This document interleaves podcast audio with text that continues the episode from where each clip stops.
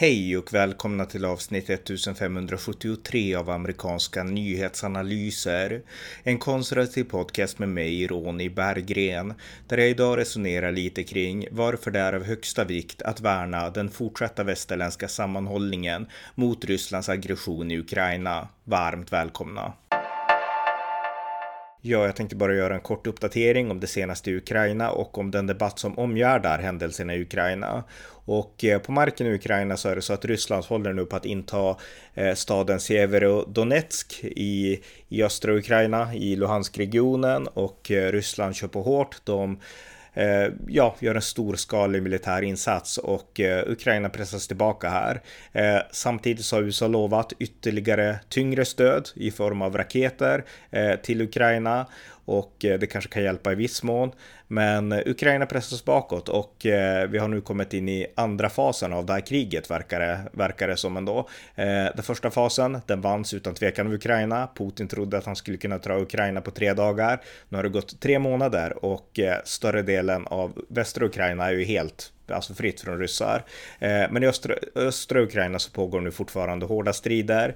Eh, Mariupol var det man pratade om tidigare, nu pratar man om den här staden Severodonetsk och eh, jag har inte alla detaljer i kriget här, det finns många andra som ni kan följa då för de detaljerna om de senaste händelserna i själva slagen. Men där pågår framryckningarna och Ryssland har ju nu ställt in sig, alltså de har ställt om. De har insett också att det här gick inte så snabbt som vi trodde. Vi underskattade Ukraina. Vi trodde inte att väst skulle stå så enade. Men nu har man ju börjat ställa om sig och insett att det här blir ett långvarigt krig och vi är beredda att betala priset för det kriget. Och eh, det kommer att ställa ytterligare krav på Ukraina och på väst för att verkligen ja, uppnå segern och eh, uppnå målet med att fördriva Ryssland från Ukraina. Men där är vi nu i alla fall i förhållande till det som händer på marken i Ukraina. I, förhållande till det som omgärdar Ukraina och debatten så för Sveriges del så fortgår ju förhandlingarna med Turkiet. Turkiet eh, de blockerar ju tills vidare åtminstone både Sveriges och Finlands medlemskap i NATO eh, och eh, Turkiets främsta argument är att de anser att eh, våra länder, framförallt Sverige, härbärgerar kurdiska terrorister och eh, vår statsminister Magdalena Andersson har sagt att hon tycker ändå förhandlingarna går framåt. Turkiet har en annan bild av den saken och det har uppstått diskussioner. Jag såg en diskussion på SVT eh, häromdagen där det var två, jag tror att det var en ledarskribent från, kan det vara Expressen, Anna Dahlberg och eh, en annan ledarskribent från Svenska Dagbladet som jag glömt namnet på och hon från Svenska Dagbladet som ansåg att Sverige, det här var ju pinsamt att vi inte får komma med i NATO, nu borde vi dra tillbaka vår ansökan och det var en av de mest eh, korkade saker jag hört. Alltså det, det är ju nästan häpnadsväckande, att man kan ha en sån syn på saken. Men det var i alla fall den åsikten som framfördes, därför hon tyckte att det är pinsamt, vi förnedrar oss med Turkiets härjande. Men jag tycker Sverige ska ta ett eh, djupt andetag och inse att det är inte upp till Sverige. Vi behöver inte driva på det här hur mycket som helst. Vi behöver inte känna att hela ansvaret ligger på oss. Utan det vi ska göra nu, det är att helt enkelt bara bolla över den här frågan till de starka aktörerna i NATO, framförallt USA. Och eh, Erdogan, han kan komma med sina krav, han kan pusha på vad han tycker om Sverige och då bör Ann Linde eller någon annan från Sverige bara ja, förmedla det vidare till Anthony Blinken i USA och säga att Turkiet, de är fortfarande emot, det här är deras argument, kan ni sköta det här? Och sen får, USA, och sen får USA liksom lägga trycket på mot Turkiet. Det är primärt det som ska göras. Sen så kanske vi kan ge vissa koncessioner mot Turkiet, men vi kan inte hålla på att lämna ut människor och sådär utifrån Turkiets nycker. Det går inte. Och där så måste USA komma in och sätta ner eh, ja, foten mot Turkiet och betona att vi vill ha Finland och Sverige som medlemmar. Ni kan inte stå i vägen för det här Turkiet. Och eh, ja, vi bör lämna den här bollen till USA och till NATOs starkare aktörer att hantera och även liksom NATOs ledning eh, att, att hantera eh, och inte känna att det här är vårat, liksom bara våran svenska regeringsansvar. Vi är på väg in i NATO, vi behöver gå med i NATO och eh, Eh, ja, tyvärr så sätter Turkiet käppar i hjulen på den här processen. Men vi kommer att komma med i NATO liksom tids nog och eh, vi kan inte hålla på att debattera som att det här var ett misstag, för det var det inte. Det är helt rätt att gå med i NATO. Oavsett vägen framåt så måste vi med. Och våran väg in mot NATO är mycket enklare än något annat lands. De flesta länder, de får kämpa med liksom NATOs ledning, med NATOs regler för att få komma med. Men vi har börjat kämpa mot ett enskilt NATO-land som är eh, ja, någon slags eh, ja, en semidiktatur kan man säga, någon slags, alltså en före detta demokrati som förfaller till allt mer despotiska metoder och eh, former av styren. Så att eh, där är vi nu och den nationen är Turkiet och USA bör bara låta oss hantera Turkiet. Vi bör liksom inte göra för stor sak av det här utan låt ta sin tid. Eh, tids nog så kommer vi med, NATO och det är rätt väg framåt för Sverige och för Finland. Nästa sak som hänt och det här hände igår, det är ju att EU har fått igenom eller lyckats ena mm, EUs medlemmar kring ett nytt sjätte sanktionspaket mot Ryssland. Då. Eh, och eh, det här sanktionspaketet har olika eh, Ja, det finns olika aspekter här. Fler ryska personer, de stoppas från att resa in till EU. Storbanken Sper, Sperbank kopplas bort från det internationella Swift-systemet och Eh, rysk, tre ryska statliga tv-bolag förbjuds att sända i EU eh, och sådär och så. Men den stora saken i det här eh, nya sjätte sanktionspaketet det är importstoppet för rysk olja och eh, främst då råolja. Och det här är hyllas av som en stor seger från EU-håll och eh, man har målet att eh, inom ja, tids nog liksom bryta helt med om det är upp till 90 procent av liksom den ryska oljeimporten. Eh, Ungern har fått ett undantag. De får importera olja via ledning som de fortfarande gör. Ungern är ju väldigt djupberoende av, av rysk olja och de har krävt det här undantaget. De får det.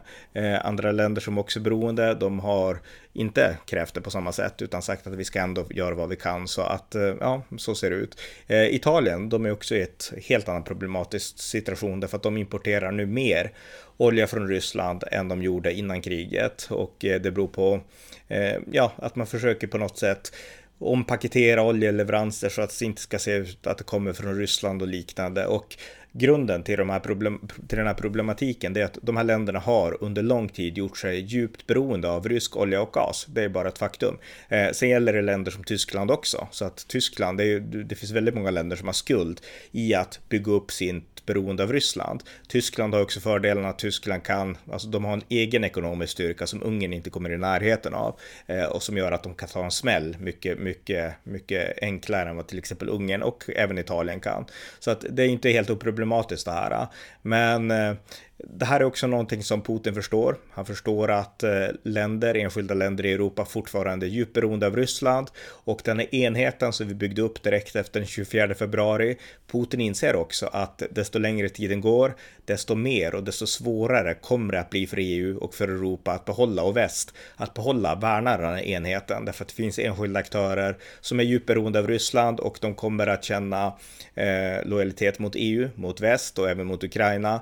Men Eh, de kommer också känna av realpolitiken och det är att vi kan inte bara totalt klippa med Ryssland. Och det här är någonting som Putin förstår och eh, Förmodligen så bidrar det också till den här kalkylen i Ryssland att vi kan fortsätta kriga i Ukraina därför att eh, någon gång så kommer väst att eh, inte orka längre. De kommer inte orka hålla den här enade fronten som vi nu ändå haft ganska framgångsrikt de här tre månaderna.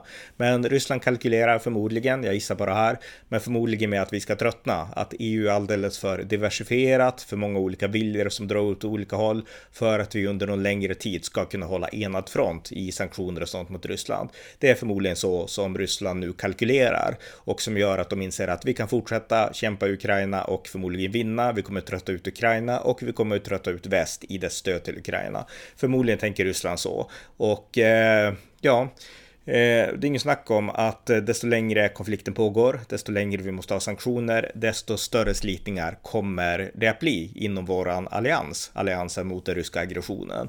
Och därför är det av högsta vikt att eh, väst, att USA, Europa, EU, eh, enskilda länder, att vi förstår här att det är ett, liksom ett, ett långt spel framåt och att vi bara biter ihop och beslutar oss för att vi ska inte ge efter för Ryssland här. Vi ska inte låta oss splittras och vi ska inte låta eh, vårt stöd för Ukraina upphöra.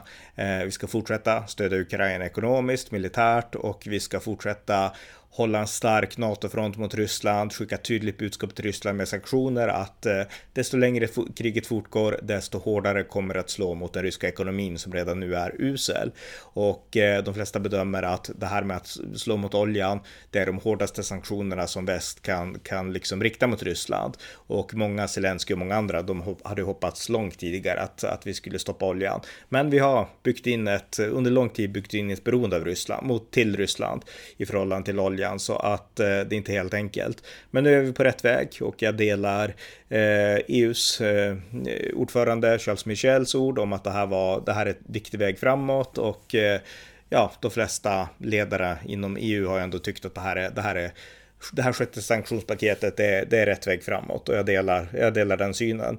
Men den stora utmaningen på sikt, där kommer vi att klara av att hålla oss enade? Eller kommer de ekonomiska incitamenten, de uppoffringar som kanske krävs? Jag menar, nu kommer bensin, jag tankade i morse, bensinpriset har gått upp, eh, här uppe kostar de, det var över 23 kronor i alla fall, eh, litern. Och eh, när jag tankade bara för några dagar sedan så var det 21 kronor. Så jag menar, bensinpriserna har gått upp på grund av Eh, Eh, ja, på grund av de här sanktionerna. Och det är ju ett ja, relativt lätt pris, åtminstone som privatperson skulle jag tro i alla fall. För, inte för alla för svenskar, men för mig och för många. Så inte det hela världen kanske. Men, men eh, eh, det handlar ändå om att priset höjs. Alltså, det är inte gratis att utfärda sanktioner så här. Eh, men det är någonting som vi måste vara beredda att ta för att vi kan inte ge upp nu. vi kan inte låta Ryssland eh, få rätt när de tror att vi kommer att tröttas ut och att vi till slut kommer att tappa intresset och att då kan man fortsätta mot liksom avancera ännu mer in i Ukraina. Vi kan inte ge upp utan vi måste ha ett betydligt mål. Eh, vi måste backa upp Ukraina i deras vilja att försvara hela landet. Det är den inställningen vi måste ha. Vi kan inte låta en diktator som Putin liksom köra med andra världskrigsfasoner där man erövrar med pansarvagnar mark och kallar det här sitt land eller sitt intressesfär. Det går liksom inte. Vi kan inte acceptera det, utan det är inte bara Ukraina som står på spel. Det är hela den västerländska världsordningen som skapat stabilitet i världen sedan 1945. Det är den som står på spel och vi måste vara beredda att betala det pris som krävs för att upprätthålla den ordningen. Och eh, det kanske innebär höjda bensinpriser här i Sverige. Det kanske innebär att södra Europa får problem med uppvärmning, med bensin och med energi på alla sätt. De är mycket mer beroende där än vad vi är eh, av rysk, eh, ja, både gas och olja. Så att eh, det kanske innebär att ett högre pris måste betalas, men vi måste vara beredda att betala det priset. Och vi i, ja, primärt då, de kanske västra delarna av Europa måste också verkligen göra allt för att se till att syd och östra Europa och de delar av Europa som ändå är ofrånkomligt beroende av Ryssland, eh, rysk energi, att vi hjälper dem på något sätt att ställa om och eh, ja, ersätta genom att kanske köpa in eh, gas och liknande eller olja och så från USA eller andra länder. Men att vi verkligen enas i samarbetet här så att vi håller fronten, att vi håller enheten mot Ryssland och mot den ryska aggressionen. Det är av högsta vikt inför framtiden. Så fortsatt sammanhållning från västsida, det är den enda vägen framåt nu för att verkligen besegra den här ryska aggressionen. Och eh, det var väl främst det som jag ville förmedla i det här poddavsnittet. Tack för att ni har lyssnat på amerikanska nyhetsanalyser. Om ni har möjlighet, skänk ett slant till valfri organisation som bistår Ukraina. Solidaritet och sammanhållning är vägen framåt för att trygga Europa mot den ryska imperialismen. Vi hörs snart igen. Allt gott tills dess.